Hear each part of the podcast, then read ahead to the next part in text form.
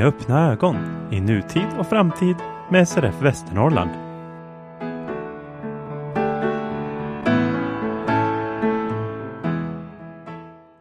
Varmt välkomna till avsnitt 4 i podcasten med öppna ögon. Jag som talar nu heter Peter Kärnberg, men jag är som väl är inte ensam, utan här sitter också ombudsman Frida Kalander. Hallå där!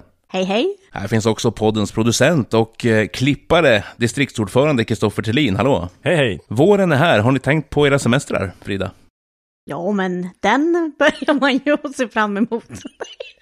Kristoffer? Jag brukar alltid lämna in mina ansökningar om semester sent. Eh, Det brukar bli runt juli. Det är ungefär samma här. Jag vet att jag ska vara ledig i juli och sen säger chefen lite snällt att ja, ska du vara ledig något i år? Ja, jag tänkte i juli. Ja, det har jag redan skrivit in här. Så. ungefär så brukar det gå till. Myndigheten för digital förvaltning har ett spännande namn. Vi undrade också lite över uppdraget, innehållet, det myndigheten jobbade med. Därför anordnade vi ett digitalt möte med Elias Binani den 22 mars. Och här ska vi få höra kort om vad myndigheten arbetar med.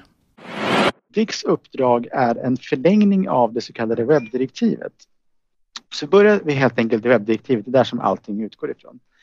Eh, 2016 så beslutade ju EU att alla, länd, alla medlemsstaters offentliga aktörer, alltså det vill säga att eh, kommuner, landsting, statliga myndigheter, eh, kommunala transportbolag, eh, kommunala bostadsbolag, skolor, sjukhus och så vidare. Alla digitala tjänster som en offentlig aktör eh, tillhandahåller skall också gå att användas av medborgarna.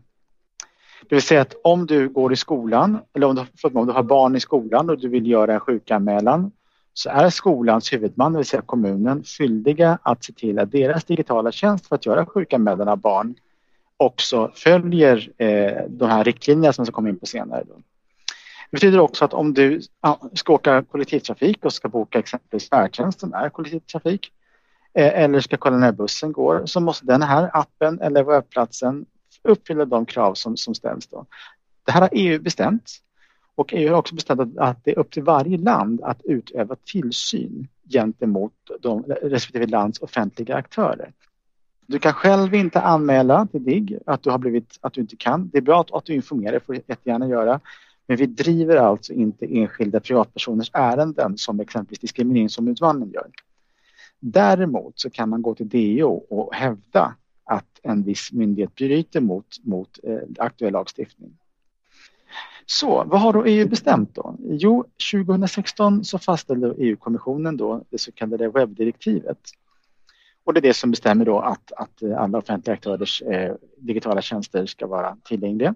Och med digitala tjänster menar man då eh, hemsidor, man menar appar och hon menar digitala dokument, till exempel pdf-dokument men även förinspelad film eh, räknas också då som, som en digital tjänst. Eh, I Sverige så blev eh, det här webbdirektivet då ratificerat som det kallas för och det blev svensk lag som började gälla 1 januari 2019.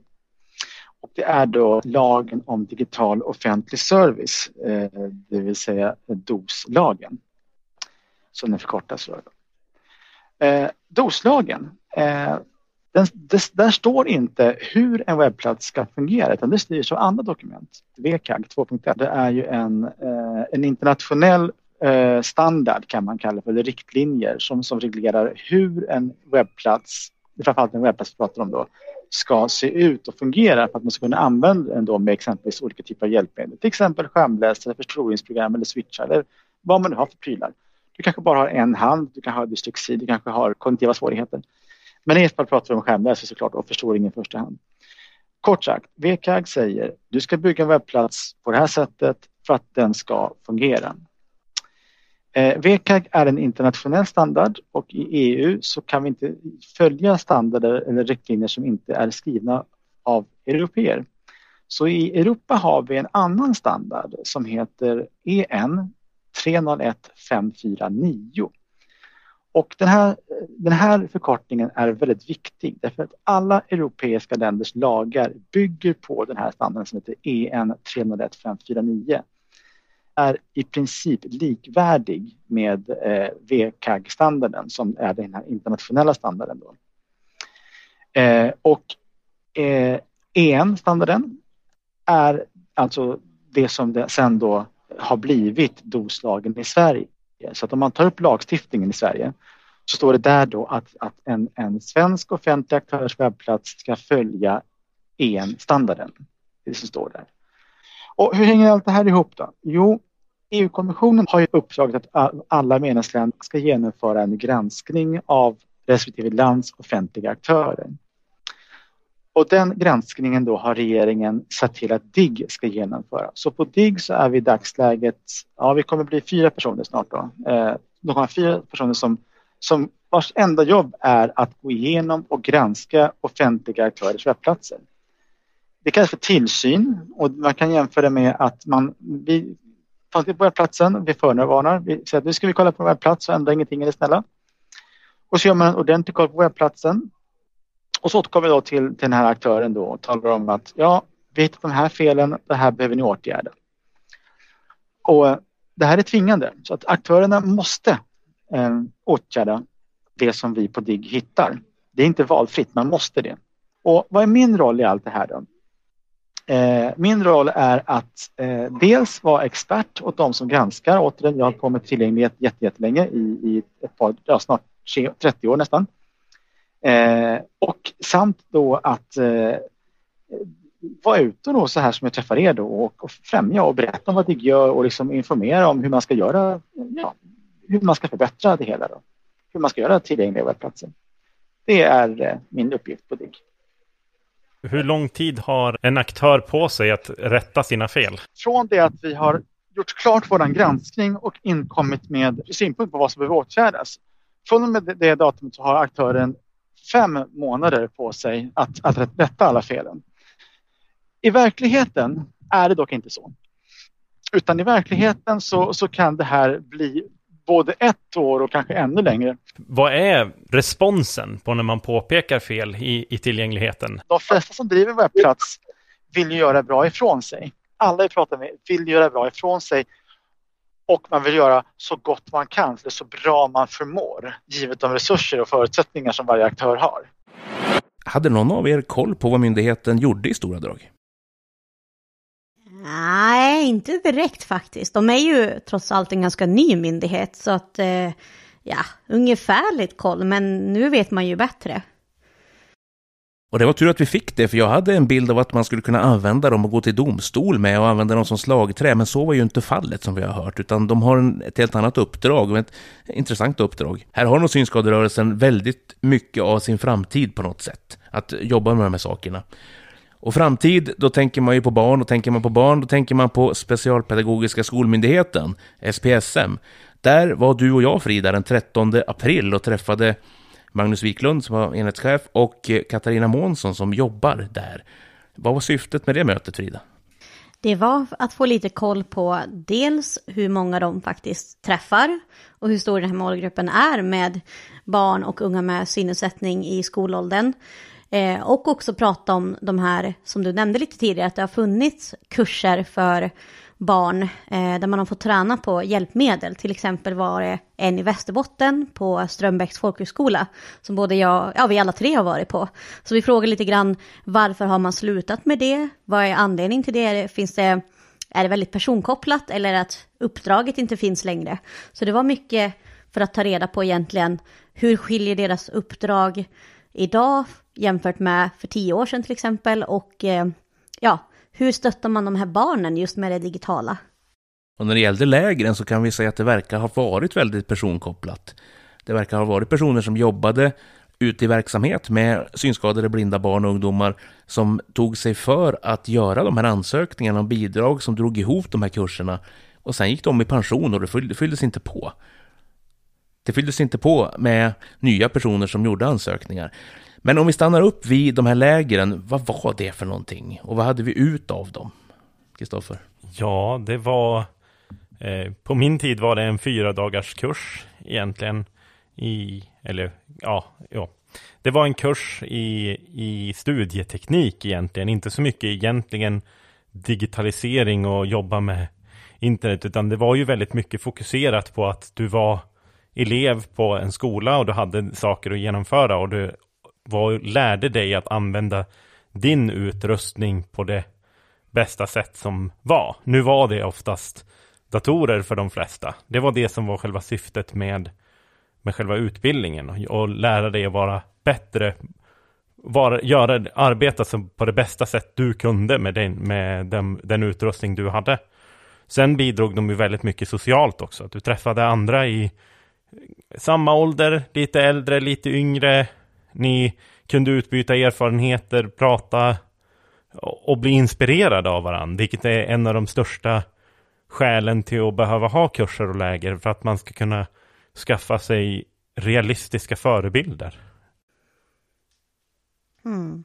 Jag tror också det är väldigt viktigt att eh, hitta den här nyfikenheten tidigt. Och det var det jag tyckte man också fick bland annat på de här lägren, att man kanske men upptäckte något hjälpmedel som man inte hade i skolan. För att det blir ju men, ganska individbaserat vad man, vad man har i skolan. Också på skolans resurser och vad de känner till. Eh, och där fick man ju säga, jaha, använder du det här? Hur funkar det för dig? Man fick testa något nytt, man fick utvecklas på det hjälpmedel man också använde. Och jag tror att det är mycket nyckeln till att man sen fortsätter, att man blir bra redan, alltså att man blir, man blir nyfiken, man blir intresserad redan när man går i skolan. För då tror jag att man fortsätter med det, än att man redan i skolan liksom har ett litet motstånd och kanske eller inte motstånd, men att det inte blir lika naturligt helt enkelt. Man kanske sitter som Kristoffer säger med sin telefon bara. Och sen ska du komma ut i ja, men gymnasiet eller universitet, arbete och man är inte van vid en dator. Det blir tufft. Så jag tror att de där kurserna är väldigt viktigt socialt men också för att behålla barnens nyfikenhet. Jag kan bara instämma. Jag gick i de här kurserna lite före er. Jag skiljer några år på, sex år närmare bestämt. Och de gånger jag var med så lärde vi oss enormt mycket om datorerna. Men inte bara det. Vi jobbade med data på förmiddagen, men sen spelade vi musik. Även om vi inte kunde så gjorde vi det ändå. Vi spelade showdown, vi spelade goalball, vi, vi var iväg och kollade på hockey. Vi gick på bio. Det var mycket med det där. Träffade andra synsvaga och blinda. Fick ett kontaktnät. Träffade vuxna som inte var våra föräldrar. Eh, och förstod att vuxna behöver inte vara så tråkiga som föräldrarna är. Som man ju tyckte då naturligtvis, nu kanske det är annorlunda, men då tyckte man ju det. Och överhuvudtaget så kom man hemifrån, även om vissa hade med sig sina ledsagare, sina assistenter från skolan, så var det ändå ett väldigt stort steg. Och det var ju heller ingen som jagade oss i säng, vi fick ju sitta uppe. Bara man kom till lektionen dagen efter. Det var ju det som var grejen, man fick inte slarva utan det var frukost sju, satt man uppe hela dygnet, ja det är ditt problem, du ska vara här. Skötte man sig inte då vart man kanske åthutad, men det var fritt och vi tog ansvar och det gjorde säkert ni också. För det gör man när man tycker det är kul och får chansen också att lära sig saker som man i många fall inte kan någon annanstans. Synskadegruppen är inte jättestor, vi måste på något sätt värna om det här och det var det vi pratade med SPSM också. Och det visar sig att det är inte omöjligt att dra igång det här igen, men då landar det i knät på oss. Och ja, det kanske trivs bra där i knät och vi får utveckla det och göra läger. Det är en stor apparat, men det kändes inte omöjligt. De kommer nog inte ta initiativ till det, men de är heller inte emot utan kan nog tänka sig att vara med och samarrangera. Men eh, vi får nog dra i det här. I det förra poddavsnittet kunde vi höra en manifestation från Mynttorget för synskadades rätt till färdtjänst. Nu har vi med oss SRFs förbundsordförande Niklas Mattsson i podden. Välkommen! Tack så mycket! Vi har ju kontaktat dig bland annat för att prata om efterspelet till det som vi kunde höra i förra avsnittet av podden, nämligen manifestationen på Mynttorget om synskadades rätt till färdtjänst. I slutet av det torgmötet så berättade du att du och Jimmy Pettersson, intressepolitisk handläggare på Riksförbundet, skulle träffa ministern Thomas Eneroth under eftermiddagen. Och det mötet vill jag höra mer om. Hur gick det för er? Ja, det var ju riktigt bra att vi kunde få det mötet med honom eh, samma dag. Han eh, hade ju inte möjlighet att vara med på manifestationen, men så det var ju skönt att vi ändå fick till ett möte. Och jag måste säga att eh, det var ett riktigt bra möte och han var ju väldigt, eller i alla fall så lät han som att de var imponerade av att vi hade lyckats samla så pass mycket namn som vi hade gjort. Vad hade han för kommentarer till det som har hänt runt färdtjänsten för blinda och synsvaga? Jag upplevde och äh, upplever att han har ett gemen, eller genuint intresse i den här frågan och att han äh, ser att det har blivit problem när vissa regioner och, och, kommuner då nekar synskadade att få färdtjänst. Så att det, känslan som jag fick var att det här har han ändå förstått att det här är ett problem och det måste göras någonting åt. Vad händer nu då? Han har ju tillsatt en utredning och, och givit en myndighet och Trafikanalys i uppgift att eh, ja, se över den här lagen nu då under, och de har fått ett år på sig. Och han var väldigt tydlig, eh, Eneroth, med att säga att vi ska vara en instans som de ska prata med under tiden de gör utredningen. Om inte myndigheten kontaktar oss så skulle, menar han på att då har de inte följt sitt uppdrag. Färdtjänst är ju en av fem frågor som SRF jobbar med under det här året, också i den valplattform som förbundsstyrelsen har antagit. Hur kommer man mer att jobba med färdtjänsten under det här valåret? Ja, men färdtjänsten, som jag också sa på manifestationen, är ju en otroligt viktig fråga för jättemånga. Så det är klart att vi kommer att jobba jättehårt med den frågan. Och vi kommer att försöka kontakta alla partier i riksdagen för att, diskutera med dem om att eh, det är viktigt att lagen blir tydlig så att synskadade har rätt till färdtjänst. Det får inte finnas någon tveksamhet i lagskrivningen om det. Vad kan vi göra ute i distrikt och lokalföreningar runt den här frågan? Det är mycket bra att du ställer den frågan, för, för jag hoppas ju att även ni, eller vi ute i distrikten, kommer att försöka prata med de politiker som är från våra distrikt.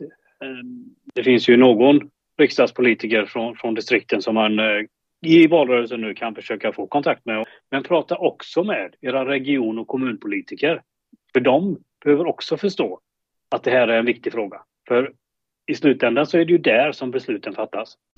Det finns ju fler frågor som Riksförbundet kommer att driva tillsammans såklart med lokalföreningar och distrikt. Vi har digitaliseringen som kanske ett vitt begrepp, men vad har ni tänkt där runt det på Riksförbundet?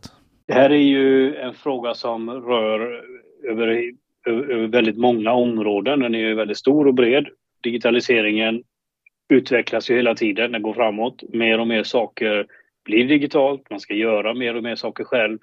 Men då måste det också göras. Systemen måste utvecklas eller utformas så att vi synskadade kan klara av dem.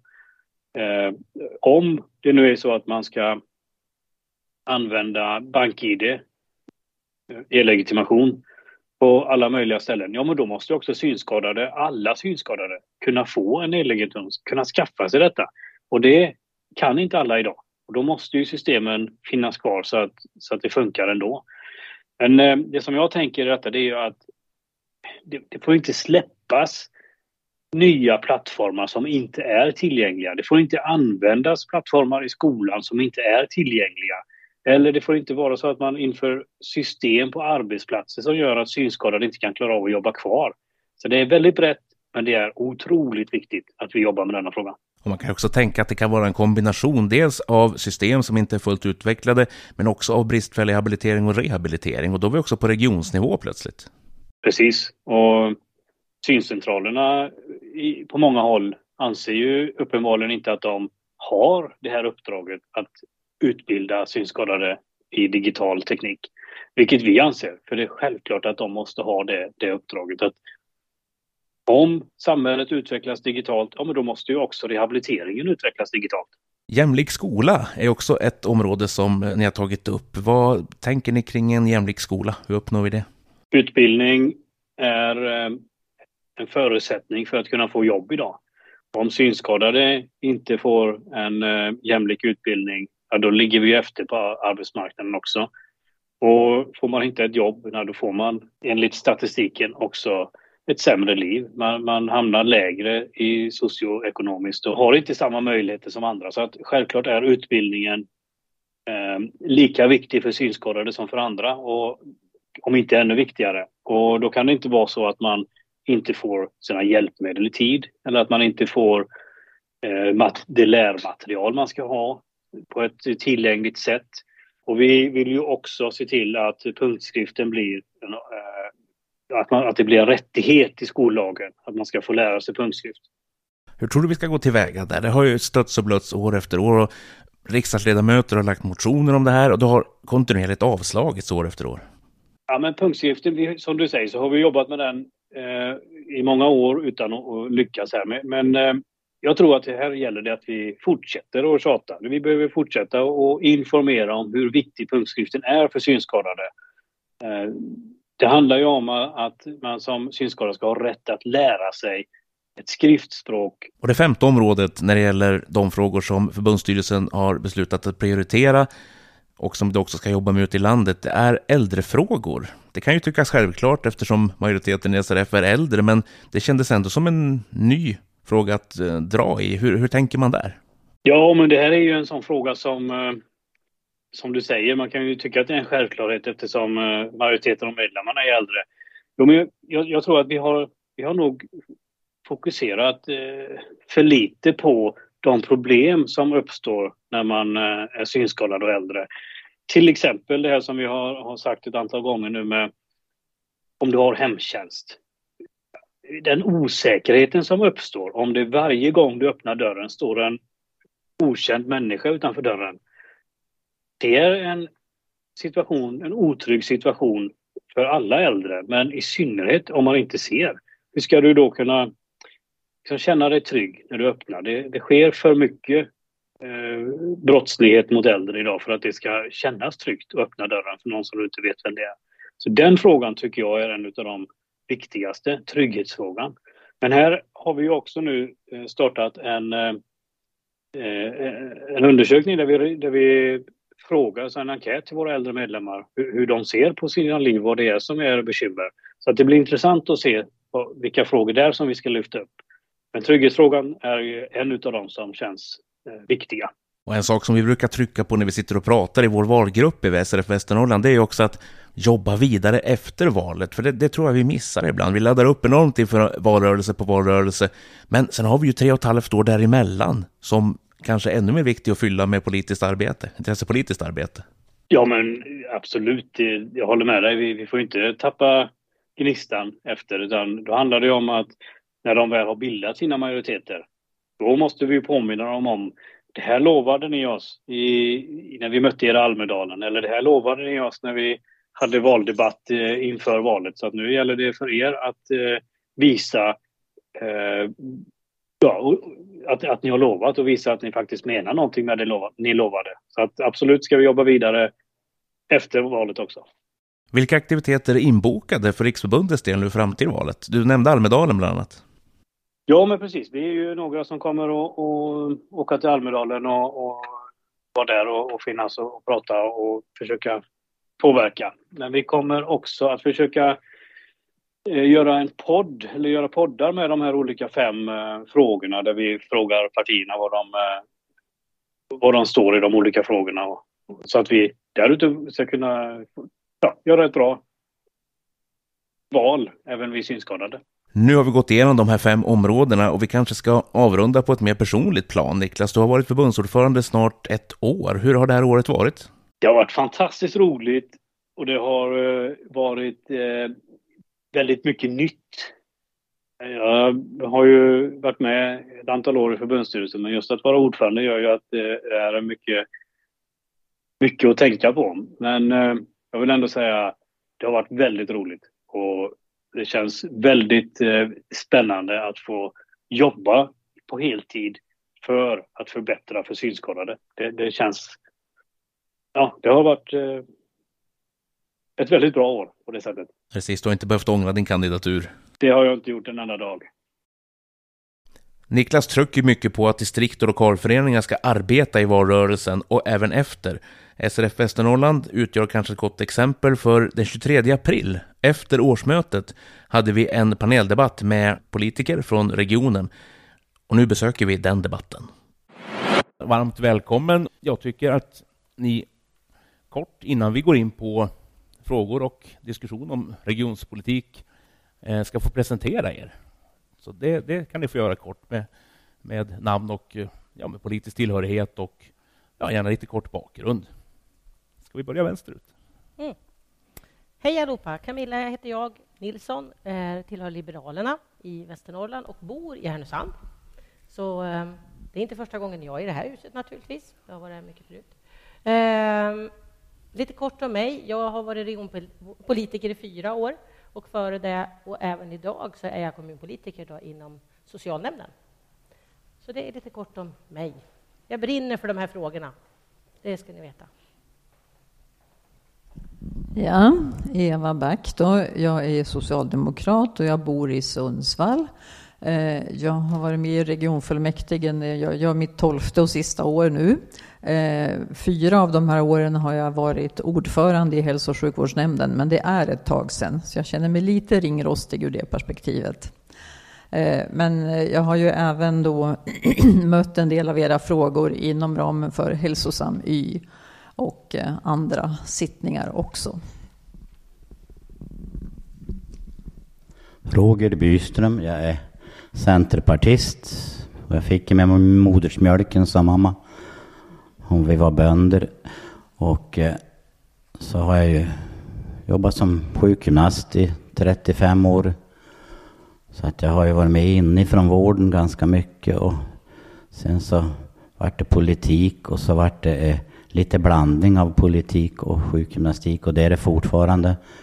Men nu är det faktiskt, eh, jag är som Eva Back, det är min sista period. Ska försöka bidra in i kaklet med mina klokheter ibland och mina mindre kloka saker ibland. Tar hållplatsutropsproblematiken. Jag tar gärna den här bollen kring hållplatsutropen eftersom den finns med som en av de här frågorna. Och eh, jag har faktiskt med Pers hjälp, ska jag säga, fått eh, lite fakta som hur läget är just nu när det gäller hållplatsutropen. Eh, och de säger så här att eh, det pågår en hel del tester på vissa bussar i trafik nu för att eh, man har installerat alltså en, ett nytt system Eh, och det här omfattar då busstrafiken i Sundsvalls tätort, Njurunda, Timråtrafiken, Matfors, linje 50 som går mellan Härnösand och Övik samt Öviks tätort. Så jag uppfattar att det finns ett rätt hyggligt ljus i tunneln just nu när det gäller det här som vi alla har väntat på och längtat efter otroligt länge. Jag har ju hört de argumenten förut från KTM, det är det som är problemet med dem, eh, att de har förekommit ungefär i 15 år. Men vi har också hört, den 11 februari för att vara exakt i fjol, så intervjuades ju både undertecknad och även Per Wahlberg eh, i P4 Västernorrland. Eh, och då var han tydlig med att säga att det blir inga utrop för nästa upphandling. Vad jag förstår så är det 2024 som, som det handlar om i nästa skede. Ja, fast alltså den här informationen som jag fick, den, den säger installationen av hållplatsutropen är färdiga. Det pågår just nu tester på vissa bussar i trafik för att säkerställa att allt fungerar bra. Och det var äh, de här områdena som jag räknade upp då. Så att det där jag menar att det, kom, det där måste ju vara före 24 i min tolkning om man håller på att testa nu. Ja, det problemet är att de har sagt så länge. Att just nu testar vi, just nu gör vi. Så att vi, vi, vi får se lite grann. Jag, eh, jag tar sikte på nästa upphandling, men vi får se vad som händer. Eh, kan de visa upp resultat före så är det väl bara trevligt. Då beger oss vi in på sjukresefrågan och för att ge en liten bakgrund kort så var det så att regionen ändrade. Eh, man la på en kostnad på 200 kronor på den som åker sjukresa Eh, den som åker kollektivt eller bil kan tydligen få tillbaka utlägget i efterhand, men det är inte fallet till den som är förvisad att åka taxi. Eh, man försvarar ju beslutet från tjänstemannanivå och det gör man genom att hänvisa till att det inte har funnits några politiska beslut kring rabatten för färdtjänst. Förut betalade den som hade färdtjänst den taxan när man även åkte sjukresa. Och eh, man tog till och med fram storsläggan som vi skriver i vår skrivelse. Man hänvisar till att den här rabatten inte är förenlig med likställighetsprincipen i kommunallagen. Men eh, om man nu går med på att det är så, så säger man ju emot sig själv i nästa stycke. För vår fråga är ju då var, var ligger likställdheten i att en person som åker kollektivt eller kör egen bil kan få tillbaka utlägget medan en färdtjänstresenär inte kan få det? Och vad gör man åt detta? Varsågod panelen. När det gäller det här med bilen Eh, så är det så här att de första sju och en halv milen du kör till vården, de får du ingen ersättning för, oavsett vem som kör den. Om jag kör den eller du kör den, eller nu kanske inte du kör den, men du kanske har en anhörig som hjälper dig att köra bilen. Så den första sju och en halv milen in, för resan in till sjukvården och likadant hem från sjukvården får man inte en krona för. Däremot det här med kostnadsfria resor med kollektivtrafiken, ja så är det eh, att man får göra. För det har ju med miljön att göra, att man väljer att att lägga att man har möjligheten att få tillbaka ersättningen om man åker kollektivtrafik in till vården. Men där skulle jag vilja se att man har rätten att ha med sig en följeslagare som den också naturligtvis åker kostnadsfritt. Behöver ni åka in till vården, ni känner att ni inte vill åka kollektivtrafiken själva, så ska ni ha rätten att ha följeslagare med er in till vården och den ska åka fritt oavsett. För idag finns det en inskrivning i vårt reglementet som säger att man har rätt att ha följeslagare om man är under 19 år eller man är över 85. Men jag tycker att det är orimligt. Jag tycker att alla inom er grupp ska ha rätten att ha med sig en följeslagare oavsett ålder. Tillgänglighet vid hälsocentraler, ja, och där har vi ju tagit upp att det är ett bekymmer att det blir vanligt att man ska använda inlogg eh, med personnummer på hälsocentraler.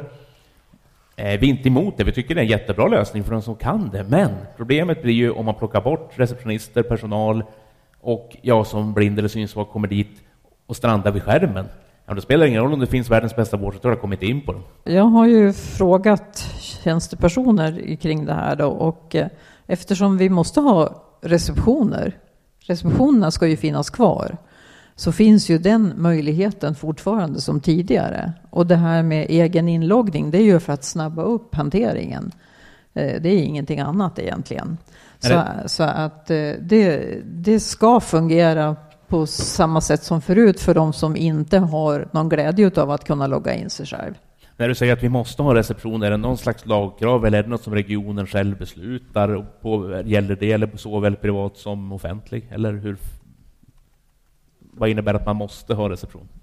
Ja, men alltså det finns ingen lagkrav, givetvis gör det ju inte det. Men i praktiken måste det väl ändå finnas någon människa där som kan, kan ta betalt för besöken och som kan eh, se till så att mm, kommunikationen funkar åt olika håll. Så att eh, jag har svårt att se att man skulle klara sig utan. Det har jag. Utan det här är väl ett sätt som sagt för att snabba upp och förenkla där det går att göra det. Att använda modern teknik för alla de som det faktiskt fungerar för. Eh, ja, det är ju ett delvis svar på den frågan. Eh, visserligen hör jag många väl och bör eh, i de, de svaren. Men då frågar jag också vad är inställningen till att den digitala lösningen tillåts vara otillgänglig? Jag tror inte man har tänkt hela vägen ut där. Det, det tror jag faktiskt är det enkla svaret. Att man, man har tagit en teknik som är, fungerar för många, men man har inte tänkt hela vägen ut att den ska funka för för alla grupper. Så att jag tror inte det handlar om att inte göra det tillgängligt, utan det handlar om att man inte har mm. tänkt färdigt. Och är vi på vård med mer specifik sådan, nämligen ögonsjukvård. Och där ligger Västernorrland långt ner på listan när det kommer till ögonsjukvården. Eh, primärt om väntetider handlar det. Det är så att vårt riksförbund tar fram vartannat år siffror på i stor utsträckning väntetider inom ögonsjukvården. Och eh, där har Västernorrland legat och ligger eh, i botten. Jag vill inte säga att man ligger sist, men man ligger i, i bottenskiktet.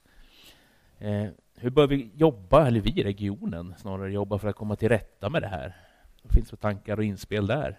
Jag kan ju börja, jag som inte sitter i nämnden och inte har någon närkontakt med frågorna just nu. Men eh, det är väl så här när det gäller väntetider så är det väl lite olika beroende på vad, vad man väntar på för någonting. Eh, det har ju varit långa väntetider till exempel för gråstarrsoperationer som är de här stora, stora insatserna. Eh, det finns ju avtal med Capio nu och eh, man bedömer att det är ju ett bättre läge när det gäller väntetiderna där. Man har avtal med optiker när det gäller vissa förberedande grejer och eh, Eh, ja, man, man gör rätt mycket när det gäller att använda externa resurser där det är förståndigt och vettigt att göra det. Man har inte så goda erfarenheter av när man la ut delar av glaukom, alltså grönstarrsbehandlingar. Det har man inte så goda erfarenheter av, så det har man, har man avslutat avtal på det området. Eh, det som väl är tuffast för, för ögonsjukvården det är ju att det finns ju nästan inte stafetter att få tag på heller. Eh, sen ser det lite olika ut med läkarbemanningen eh, i länet då. För att i, både i Sollefteå och Övik finns det bara en överläkare eh, en specialist vardera då. Medan Sundsvall har väl en betydligt bättre situation och den hänger mycket samman med ett långsiktigt arbete som man har haft bedrivit, alltså där man har tagit vara på från AT-läkare, underläkare, utbildat ST och några av dem har hunnit gjort de där två åren som de ska göra innan de liksom räknas som fullfjädrade. Så att eh, där kändes det som att eh, situationen ändå är betydligt mycket bättre idag än vad den har varit för några år sedan. Man har även överanställt ST-läkare för att man ska ha eh, lite, lite marginaler så att säga. Så att det är väl den delen. Men det är den ena delen när det gäller liksom Eh, köer och personaldelar. Men det andra är ju att man har jobbat en del med kompetensväxlingen, det vill säga att ha rätt personalgrupp på varje arbetsuppgift. Man har anställt en del undersköterskor för att sköta en del förberedande arbete för att inte behöva använda ögonsköterskorna till det. Eh, man jobbar med produktionsplanering och flöden och ja, men man försöker använda moderna metoder för att jobba effektivt så att man använder resurserna så bra som möjligt. Eh, så att det är väl den, den bild som jag har fått till mig när det gäller läget. Och eh, det är inte, det är inte tillfredsställande men det finns eh, ändå trender som går definitivt åt rätt håll. Så är den bild jag har fått. Vi går vidare, det finns ju fler saker att ta upp här. Jag har tagit upp också hur tankarna går hos er som förtroendevalda kring det faktum att vi får en allt äldre befolkning, utmaningar eller möjligheter? Jag kan börja. Ja. Ehm, jag, eller vi vill väl se att alla ska ha möjlighet att jobba så länge som man, som man vill jobba i livet. Det ska inte vara styrt utifrån eh, vilken ålder man har eller sådana saker, utan det måste man få välja själv hur, man känner, hur länge man känner att man tycker det känns rätt att fortsätta arbeta. Det vi vet idag är att vi kommer få en allt äldre befolkning. Många av oss kommer leva mycket längre idag än vad vi gjorde för 20, 30, 40 år sedan och i framtiden kommer vi leva ännu längre. Eh, krämporna oftast går upp i åldrarna så att man blir inte lika sjuk lika tidigt, men har man problem så måste man kunna få hjälp. Men eftersom vi också kommer bli en äldre befolkning så kommer det också kräva mycket, mycket mera av vården. Att vi kan få den hjälp vi behöver hela vägen. För att vi ska ju få leva så länge som vi lever och den dag, dag vi blir nedgrävd så må det ju vara på det viset. Men det, så länge vi lever ska vi ha ett gott liv. Det tycker jag är väldigt, väldigt viktigt. Och vi vill att vi ska stärka äldrevårdsmottagningarna i hela landet, eller vi tittar här, i regionen till att börja med, så ska vi stärka äldrevårdsmottagningar i alla kommuner. Eh, sjunde frågan, då handlar det om syntolkning plötsligt och konstaterar först att eh, samhället med all rätta finansierar teckenspråkstolkning. Alltså den som är döv har rätt att delta i samhället på likvärdiga villkor med den som hör fullt ut. Och det är ju riktigt. Eh, däremot är det problem när det gäller syntolkning. Vi ställer frågan till om regionen skulle kunna göra mer där för att stärka syntolkningens ställning. Ja, men alltså, för mig, när jag läste den här frågan, fick jag klura en liten stund och så tänkte jag så här, ja, men det är väl en självklarhet att man ska kunna få syntolkning, i alla fall i vissa lägen, precis som man kan få ledsagarservice eller eh, det, det, tolkas idag för döva i vissa situationer. Och det, för mig kändes det som att nej, men det, här, det här får vi bara fan med ta tag i, så att det blir av, tänkte jag. Hur tror du vi tar tag i det då? Ja, eh, vi måste ta med henne tillbaka naturligtvis in i, i politiken.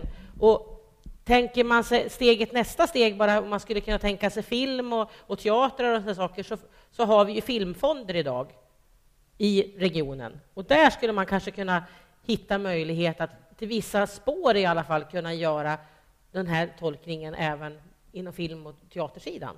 Vi har pratat om digitalisering förut, men det kommer tillbaka lite här digitala samhället är för att stanna och att det finns möjligheter. Men att om det ska bli istället för ett frågetecken ett utropstecken så krävs det utbildning i digital teknik. Eh, och som ni ju många av er vet, att vara blind eller helt synsvag så förutsätter det andra lösningar. Skärmläsningsprogram till datorer. Jag sitter ju här med punktskriftsdisplay och dessutom fuskar jag med en, en snäcka i höger öra så det, det, kan läsa upp. Jag kombinerar lite här och det, det är så. Eh, för att det skulle inte finnas skulle jag inte ha någon nytta av den här datorn som står här faktiskt.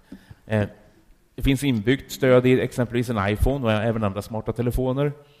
Eh, men det krävs då att vi får utbildning, bra utbildning i hur vi använder de här sakerna. Synrehab har vi pratat om. Eh, Micke som jobbar där, alldeles utmärkt datapedagog, men han är ju ensam. Eh, och han har fullt upp dessutom. Vi skulle kunna göra mer i SRF. Eh, problemet är också att det kostar naturligtvis och att vi också behöver skaffa personer som kan det här. Eh. Och på något sätt så ligger det här också på regionen som ju, ja, det har vi också pratat om förut, erbjuder fler och fler digitala lösningar som i mångt och mycket kan vara väldigt bra, men som man då måste lära sig att få tillgång till. Mm. Nej, men för jag tänker att det handlar ju också om att Eh, kartlägga hur stort behovet och intresset är och vad man behöver. Eh, alltså det är ju, det är ju någonting som verkligen kräver ett nära samarbete mellan SRF och eh, synrehab om man ska göra eh, mera insatser än, och insatser kanske på annat sätt än vad man gör idag. Jag vet inte exakt hur det går till, om man gör några gruppinsatser eller om det är individuella insatser till exempel. Men jag föreställer mig att, att ska, man, ska man veta vad som ska göras måste man ju ta reda på hur ser behovet ut. Jag tänker också att det här är ju ett hjälpmedel som alla andra hjälpmedel som vi har idag via Hjälpmedelscentralen, andra typer av hjälpmedel. Nu är det ju synrehab som kan vara Hjälpmedelscentralen i just de här sakerna, som kan se vilket behov och vilka hjälpmedel som kan hjälpa vilken person. Och det, det känns så självklart att jag måste få lära mig hur jag ska använda hjälpmedlet för att kunna optimera det på allra bästa sätt. Det är ju ingen vi sätter med i en rullstol utan att vi lär dem hur de ska ta sig fram i rullstolen. Vi sätter ju inte ner någon i en rullstol och säger åk, för det är inte bara åk. Så det borde vara lika självklart med ett synhjälpmedel som med en rullstol eller en rullator eller ett annat hjälpmedel man får, att man måste få utbildning för att man ska kunna klara upp detta. Och man kan också säga så att idag är ju till exempel en iPhone är ju inte ett hjälpmedel, men det är ändå extra intressant för synskadegruppen i och med att eh, du gör så mycket på din telefon idag och kan du inte hantera det som blind eller synsvag, att du lär dig använda det som finns, voiceover som det heter, och i vissa fall Siri också, eh, då blir man utestängd från extremt mycket. Eh, datorn kompletterar ju på andra sätt och det finns andra tekniknördar som är bättre på det här än jag. Jag låter väldigt teknisk, det är jag inte. Jag kan grundläggande saker och det är också det som, som synrehabiliterar eh, ut, ska jag säga. Grundläggande, inte så himla mycket fördjupning, utan det som finns med är just grundläggande undervisning. Så här hanterar du din, din mail om det är dator, så här kanske du hanterar grunderna i Word, eller så här hanterar du Eh, förhoppningsvis din, din BankID-app eller vad det nu kan vara för någonting, så att man, man lär sig grund grundfundamentet. Sen är det där, hur kommer man vidare då? Eh, det är ju liksom inte riktigt datapedagogens bord. Eh, det skulle inte hinnas med, så att det skulle i så fall vara en person till, eller att man gjorde någonting tillsammans. Organisationen, regionen, eh, och där kommer ju Synrehab in, och med dem har vi ju ett, ett bra samarbete. Men, mm. men, ja, jag vet inte om, om SRF skulle vara en mer aktiv aktör som anlitades tillsammans med synrehab. Så det här är lite fria tankar, men ni är också välkomna att komma in med publika synpunkter här. Kristoffer, det var nästan det jag trodde. Hej. Jo, det är så att det skulle nästan klassas som ett hjälpmedel i sig att gå utbildning i digital teknik. Tack. Jag tror jag du sätter fingret på någonting faktiskt. Och det är just det där med klassas som hjälpmedel. Eh, men eh, jag tror ju att det är jätteviktigt att vi tar med oss den tanken tillbaka. Efter årsmötets avslutning träffade vi delar av den nyvalda styrelsen i SRF Västernorrland. Årsmötet är till ända och Kristoffer Thelin är omvald ordförande. Stort grattis! Tackar, tackar! Vad ser du för saker som händer framåt nu i SRF och vad, vad vill du ska hända framför allt? Ja, men som jag har pratat om eh, förut så är ju de, de stora grejerna som händer för SRF, förutom de frågor som vi alltid driver och alltid kommer att driva, färdtjänsten, ledsagningen, eh, hållplatsutropen och den saken, så tror jag att mycket fokus kommer att få ligga framöver på eh, den digitala utvecklingen, både att bevaka trycka på och påverka att eh, hemsidor, appar och all eh, digital utveckling följer de tillgänglighetsriktlinjer som, som finns och som är tänkta för att göra system lätta att använda, men också att påverka och driva frågan om utbildning för våran grupp i att använda digitala system. Eh, och då tror jag på att vi kommer att få trycka på dels region och stat att eh, ta sitt ansvar och bedriva sådana här utbildningar och jag tror att SRF också kommer att behöva bedriva viss utbildande verksamhet i egen regi. Hur tycker du att en styrelse ska jobba för att fungera fullt ut? Jag tycker att en styrelse ska ha god kommunikation. Roger Johansson, du är också närvarande och du har ju ett år kvar på ditt mandat i styrelsen. Vad tycker du om det här årsmötet? Ja, det var väldigt bra genomfört och det gick snabbt och, och fint. Du är också en av de som har suttit med i styrelsen ända sedan Länsförbundet såg dagens ljus 2017. Hur har de här åren varit? Det, det känns som att du har haft lust att stanna kvar i alla fall. Jag tycker de har gått väldigt fort då, de här åren. Så att eh, jag hänger på så, så länge jag kan. Vad har du för speciella intressefrågor? Ja, det är ju trafikmiljö, sådana saker som jag vurmar för. Det är det faktiskt. Allt ifrån färdtjänst till hållplatsutrop?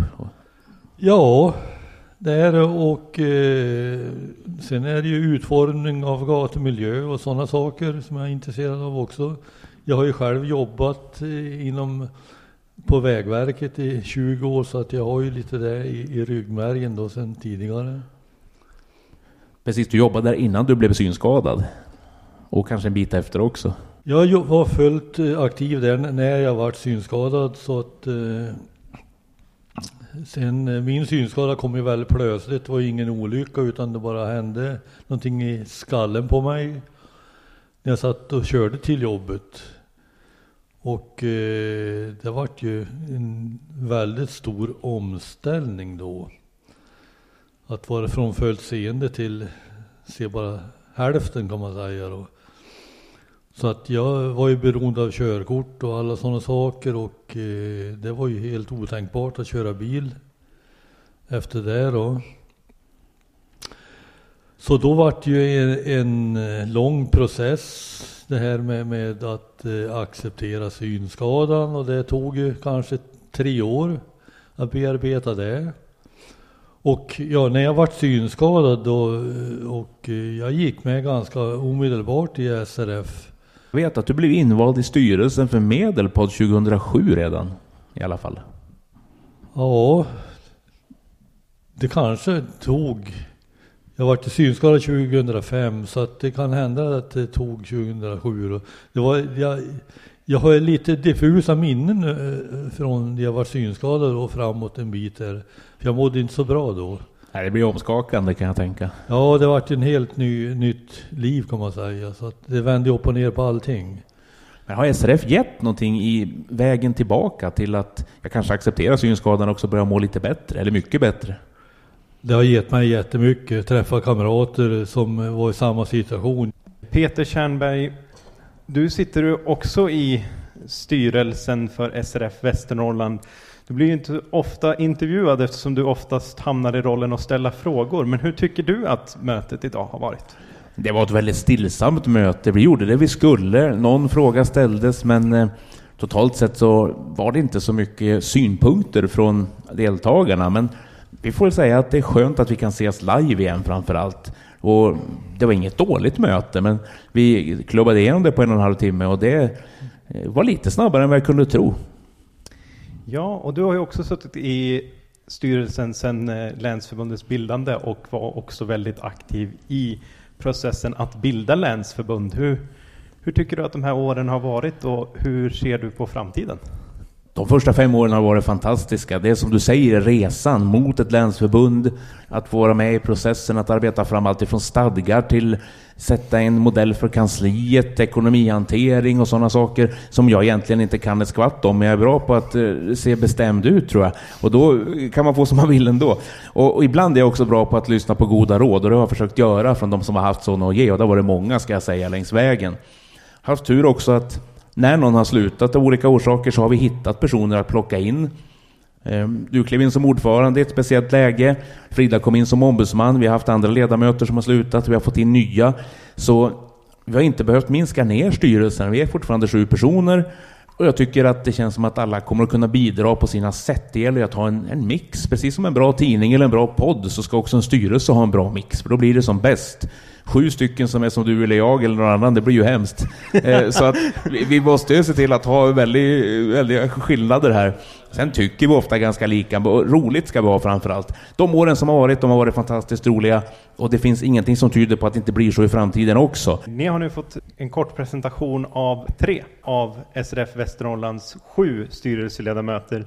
Vi hoppas kunna återkomma i ett senare avsnitt med intervjuer och presentationer av de övriga fyra. Tack så mycket. Den 7 april hade SRF Västernorrlands grupp för digitala frågor ett evenemang. Vad var det, Frida? Då bjöd vi in Rakel Gunnemark som jobbar på Riksförbundet med SRF Go, som är SRFs egna lilla resebyrå kan man säga. Och de har ju legat i dvala nu ganska länge under pandemin och de har fått skjuta fram resor för att det har varit så osäkert. Så det innebar ju att vi var tvungna att kasta in den här aktiviteten ganska snabbt för att våra medlemmar skulle få information om vilka resor som kommer i sommar och i höst. Och i och med att de har fått skjuta fram mycket så är det väldigt kort ansökningstid. Så vi hade den här aktiviteten nu i april och eh, sista ansökningsdag är redan 10 maj. Så att det är snabba ryck om man vill ut på någon resa. Och sen ska ju sägas att man lottar ju om det blir fler sökande än platser. Så det är ju ingen garanti att man får resa bara för att man anmäler intresse. Men det ska man ju ändå göra om man är intresserad. Och för den som inte känner igen namnet kan vi säga att SRF Go hette tidigare SRF Fritid. Precis. Och prenumererar man på den här resekatalogen så har den kommit ut nu när vi släpper det här avsnittet. Och de som har mail, eh, anmält att man vill ha katalogen på mail ska också ha fått den på det sättet. Så att eh, den ska vara ute nu. Det jag kan säga är att vill ni veta mer om resorna som kommer så kontakta Rakel direkt för hon svarar gärna på frågor och kan också hjälpa till med ansökningar och fylla i den här blanketten. Och henne kan ni kontakta på rakel.gunnemark srf.nu eller go.srf.nu.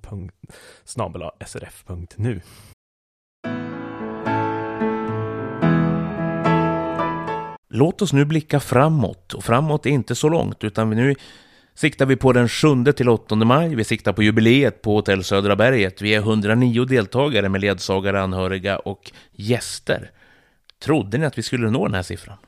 Jag hade nog faktiskt räknat med att vi skulle nå upp i den, de antalet eh, medlemmar som vi siktade på. På grund av att det här är den första stora aktiviteten efter en lång tid av inga fysiska aktiviteter.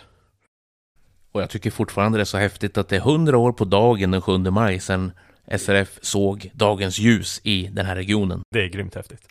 Det var rent tur att det var en lördag, men eh, ödet spelar i rätt eh, ackordsföljd ibland. Jag är lite besviken att du inte har hittat protokollet från det mötet. Nej, någon måste ha spillt kaffe på det eller något. Hundra år bakåt, ja. Hundra år bakåt, ja. Ja. Hur, hur långt bak finns protokoll? Alltså hur långt kan vi se bak i historien vad man pratade om?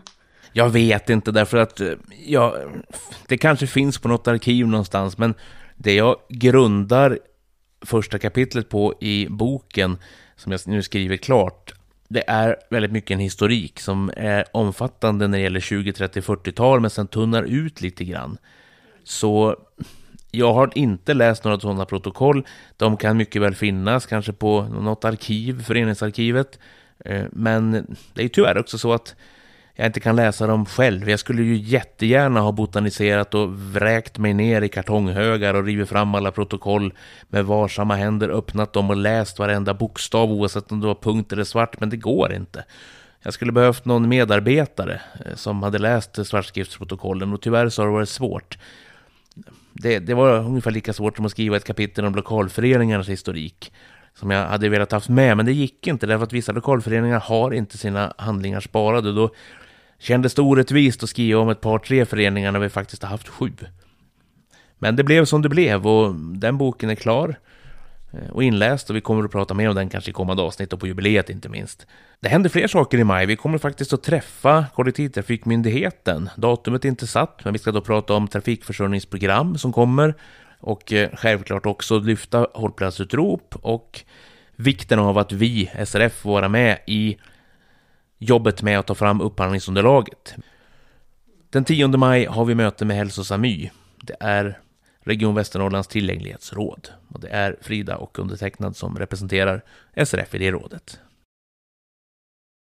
Det blir faktiskt mitt första Hälsosam i live sen jag har börjat jobba för SRF Västernorrland. Vi har bara hörts ja, men digitalt. Så att det, blir, det blir kul att möta de här andra som är med i rådet och faktiskt få ja, men, se vilka det är lite mer och lära känna dem. Och kanske också se hur stämningen blir, om det blir någon skillnad eh, digitalt jämfört med att träffas. Tror det eller ej, men vi är framme vid slutet av detta fjärde avsnitt av Med öppna ögon, SRF Västernorrlands podcast. Nu vill vi gärna ha reaktioner. Det är det bästa som finns när ni hör av er, oavsett om ni är nöjda, missnöjda eller något däremellan. Ni når oss på e-post genom att skicka ett mejl till vasternorrland srf.nu. Vill ni inte det så får ni väldigt gärna ringa till Frida på telefon 076 539 9225. på varmt återhörande om en månad.